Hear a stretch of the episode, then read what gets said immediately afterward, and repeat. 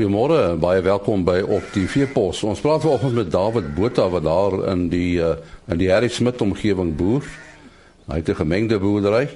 En dan met Frikkie Maree wat gesels oor dekseisoene en reenseisoene. Hoe belangrik dit is om dit in ag te neem. Ons uh, gesels met David Botha. Hy's 'n boer wat daar in die Harry Smit omgewing boer. Uh, hoe lank is jy al in daai omgewing, David? Ons is hier so sedert 1985 het ons hier net by die Berry Smith begin boer. Jy jy praat nou van ons, is jy alleen wat boer of uh, boer jy saam met iemand?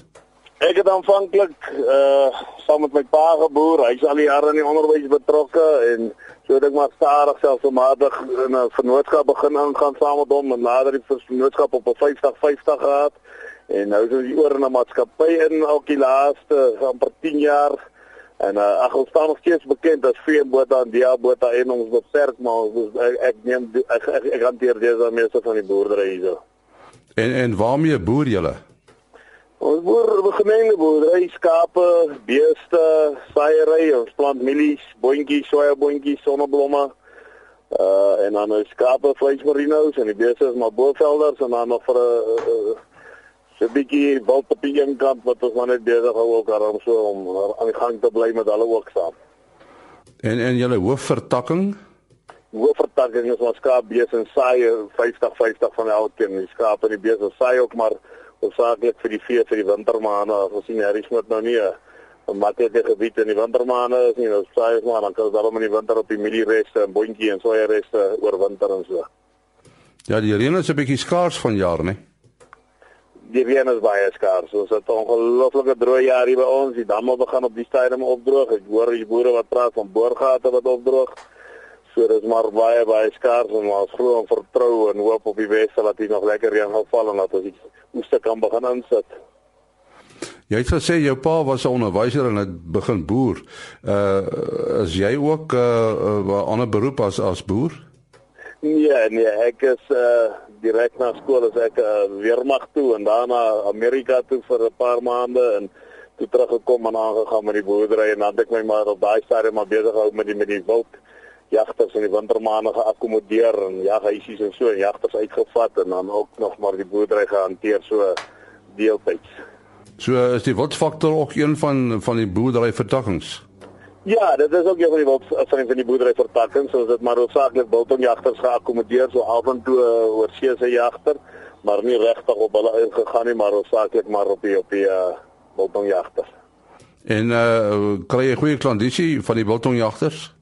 Ja, ek het uh, ek het so 385 bokke in 'n seisoen geskiet en ek het elke liewe naweek van 1 Mei tot 31 Augustus was ek elke naweek in by partykeer deur die week op uh, jagters gehad van ag reg oor die land.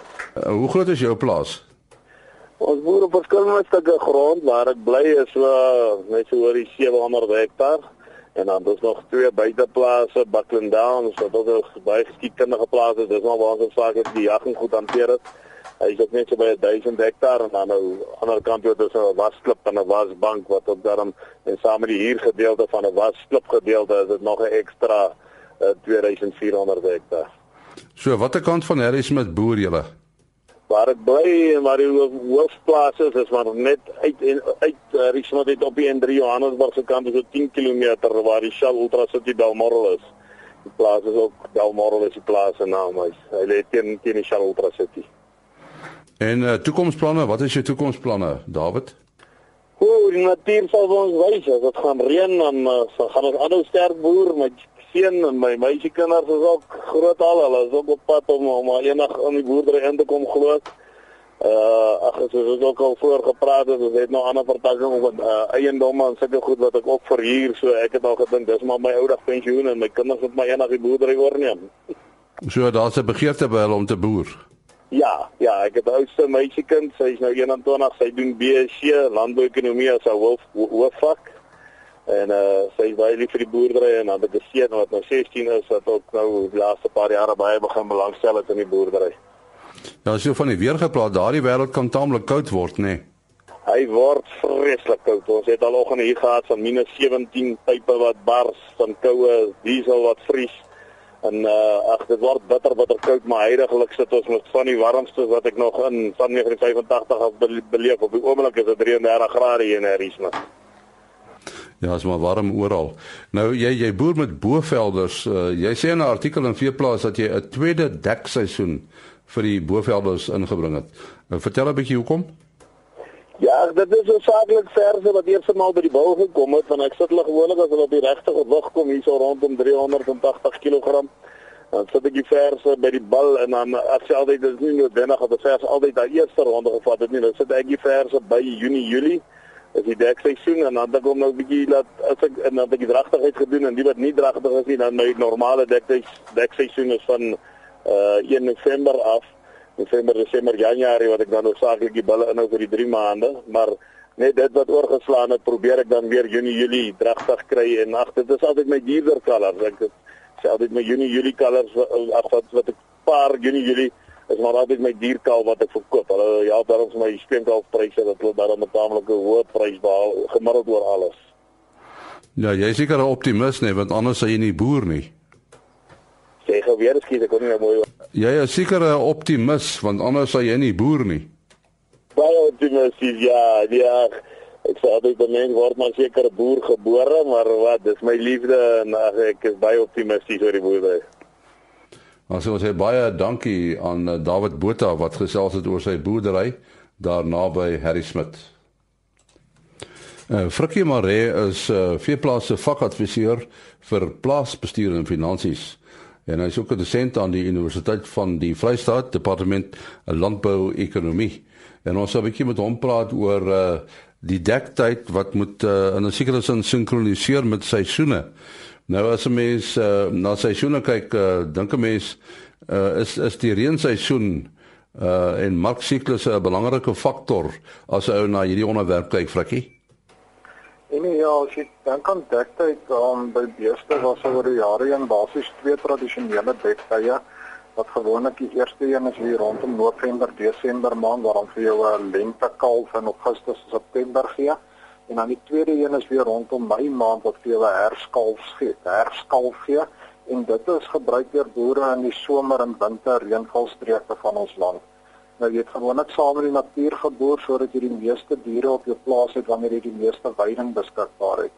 Maar indien ons egter deesdae kyk, almal praat van klimaatsverandering en seisoene wat aanskuif en jy begin kyk weer na die reenseisoene, lyk dit tog of hierdie reenseisoene ook verander en dalk moet ons ons dektye dan volgens verander. Nou as 'n mens dit verander, wat moet 'n mens nou in gedagte hou? Gaan dit nou maar bepaal oor die reën? En ja, ek dink reënval is jou is jou grootste ding, maar dit gaan ook um, oor die marksiklusse van pryse waar volgens jy dalk ook jou dekseisoene kan verander. En dan ons indien ons net kyk na reën en die reënseisoen aanskuif en as jy na gemiddelde reënvaarkaarte kyk, lyk dit of ons hier in die somerreënvalgebiede al hoe minder reën kry in die lente maande Oktober en al hoe meer reën in die herfs kry. So dalk moet jy jou um dekseisoen daar bietjie later uitstel dat jy meer veiding het in in die tyd wat jy jou um vir kalf en jy dus beter veiding het vir jou kalvers. Maar dan ook as jy kyk na die markte, sê die Suid-Afrikaanse beesvleismark het 'n baie spesifieke tendens. Um beesvleis um vleis self se hoogste pryse is gewoonlik gedurende Paasnaweek waar die hoogste vraag is en die speenkalfpryse is dan gewoonlik gedurende Desember maand.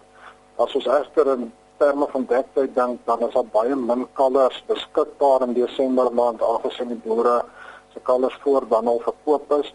Om dis ook 'n rede hoekom die prys hoog is. So as jy saam met die mark wil boer, kan jy ook jou dektyd aanskuif dat jou kalvers bemarkbaar is gedurende Desember en jy gaan dan 'n hoër prys vir jou speenkalf kry. Maar die die marksiklus is nie noodwendig verband met die weersiklus nie, né? Nee. Nee nee nee, die marksiklus is meer met vraag en aanbod te doen en alhoewel die weersiklus 'n eksterne faktor is soos droogte, maak in sekere jare laat die marksiklus bietjie verander as daar droogte jare is en die boere maak hulle vee op die plase minder om deur die droogte te kom, dan sien jy dat die pryse daal, uh, maar die siklus bly dieselfde. So jou pieke verander van tyd tot tyd, maar die siklus is definitief baie herkenbaar. En wat is die behoeftes van die voerkrale? Hoe werk hulle? En die voorkraal se behoeftes is hy wil kalf koop teen die laagste moontlike prys en 'n afgraad aan slagbare bees gekoop teen die hoogste moontlike prys.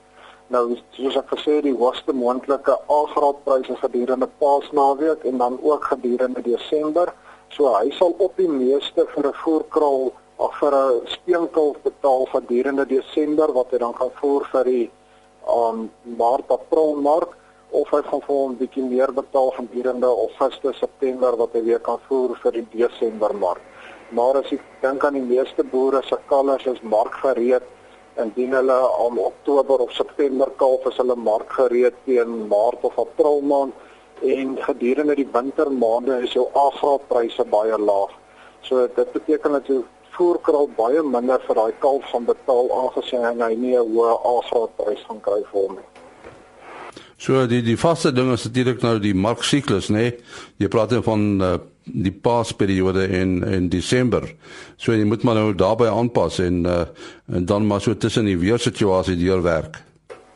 Ja, en ek dink 'n boer het basies een van twee keuses of jy probeer voluit saam in die natuur boer wat in my um of volgens my is dit een van jou beter besluite want dan boer jy saam die reën jy's meer gemaklik oor hoeveel dit kos wat beskikbaar is. En dien daar droogte kom gaan jy bietjie makliker daardeur gaan maar en jy kan met meer diere boer maar dan gaan jy dalk ook 'n kleiner prys vir jou steenkalvers kry want hulle gaan nie altyd bemarkbaar wees teen die tyd wanneer die hoofpryse daar is nie. Die tweede opsie is weer om saam met die mark te boer dan gaan jy bietjie teen die natuur wees. Jy gaan heel waarskynlik minder diere moet aanhou om hulle deur die droogtye van die jaar te kry, maar jy kry 'n hoër prys vir jou kalvers wat jy verkoop. En jy moet dus maar 'n fyn som gemaak om te kyk om of jy saam met die mark of die natuur gaan boer en wat se opsie gaan vir jou die meeste voordele op jou plaas gee. Maar natuurlik uh, ons het 'n winter en 'n somer reënvalgebied en daar word ook uh, rooi vleis geproduseer in die winterreënvalgebied, né? Nee? Ja, nee, nee, nee, winterreënvalgebied is al ook rooi vleis. Ons sien dan hoofsaaklik in die Weskaap area om redelik skaap en bees en die ouens daar's nogal om lief vir weidings, daar's baie van die diere wat op weidings afgerond gevoer word en die winterreënvalseisoen werk dus weer om basies die teenoorgestelde van die somerseisoen en hulle om groot dektyd van gedurende om my maand plaas om 'n herf herfskals kalf te hê waarin gedurende die groen wintermaande um, op die weidings is. Nou ja, daar sê dit is die marksiklusse en die weersiklusse. Baie dankie Frikkie Maree, veeplaas eh, vakadviseur vir plaasbestuur en finansies. En daarmee die einde van ons program. Tot uh, môreoggend, mooi loop.